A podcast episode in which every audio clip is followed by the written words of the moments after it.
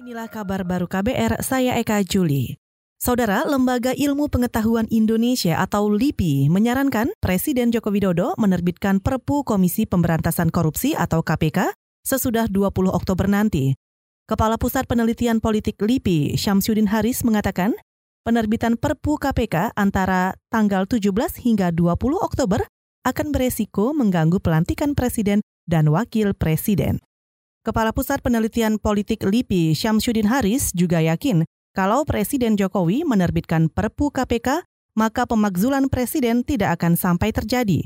Karena syarat pemakzulan bagi presiden antara lain bila melanggar hukum, mengkhianati negara, melakukan tindak kriminal, penyuapan, dan lainnya.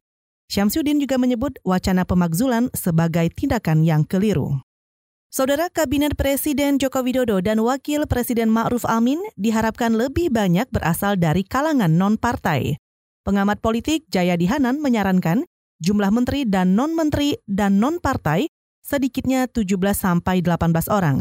Mereka sebaiknya menduduki posisi terkait pembangunan infrastruktur, ekonomi, pendidikan, kesehatan, Kementerian Dalam Negeri, Kementerian Luar Negeri, dan lainnya. Biasanya menteri-menteri dari non-partai itu problemnya adalah satu, dukungan politik. Jadi memang Presiden se sebaik mungkin, sedapat mungkin mencari orang dari non-partai yang tidak memiliki hambatan politik. Saya kira dengan posisinya di periode kedua dan sudah punya pengalaman lima tahun, dukungan politik dari publik yang cukup kuat, Presiden bisa. Ke menteri-menteri dari partai, tantangannya kan dua. Satu biasanya dipertaruhkan soal kapasitas kan.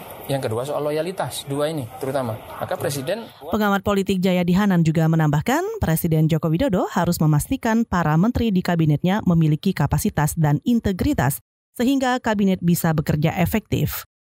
Saudara, selanjutnya kita akan dengarkan laporan pembukaan pasar di Bursa Efek Indonesia bersama jurnalis KBR Astri Septiani. Astri, silahkan harga saham gabungan atau IHSG berada di zona hijau pada pembukaan pasar hari ini. Pergerakan indeks harga saham gabungan dibuka menguat 0,27 persen atau 16,49 poin di level 6.077,74 pada perdagangan hari ini.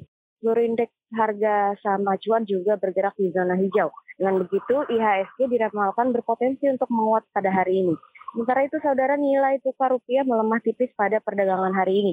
Berdasarkan data, pergerakan nilai tukar rupiah di pasar spot dibuka melepas tipis yaitu satu poin atau 0,1 persen di level 14.139 per dolar Amerika Serikat. Pada perdagangan Jumat lalu, nilai tukar rupiah sempat ditutup dengan level 14.138 per dolar Amerika Serikat dengan penguatan 34 poin atau 0,24 persen. Demikian yang dapat saya laporkan kembali ke studio.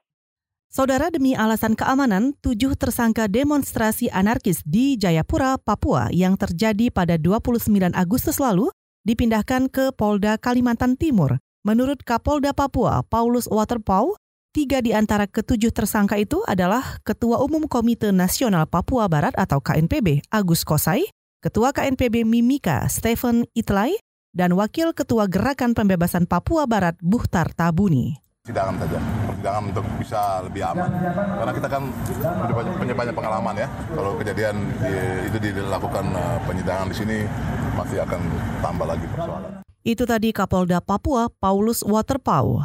Saudara pemindahan ketujuh tersangka rusuh di Jayapura, Papua ke Polda Kalimantan Timur sudah dilaporkan ke Gubernur Papua Lukas NMB. Pemindahan itu bisa dipahami, meski sebelumnya Gubernur berharap proses penyidikan dan persidangan dilaksanakan di Jayapura. Saudara demikian kabar baru, saya Eka Juli.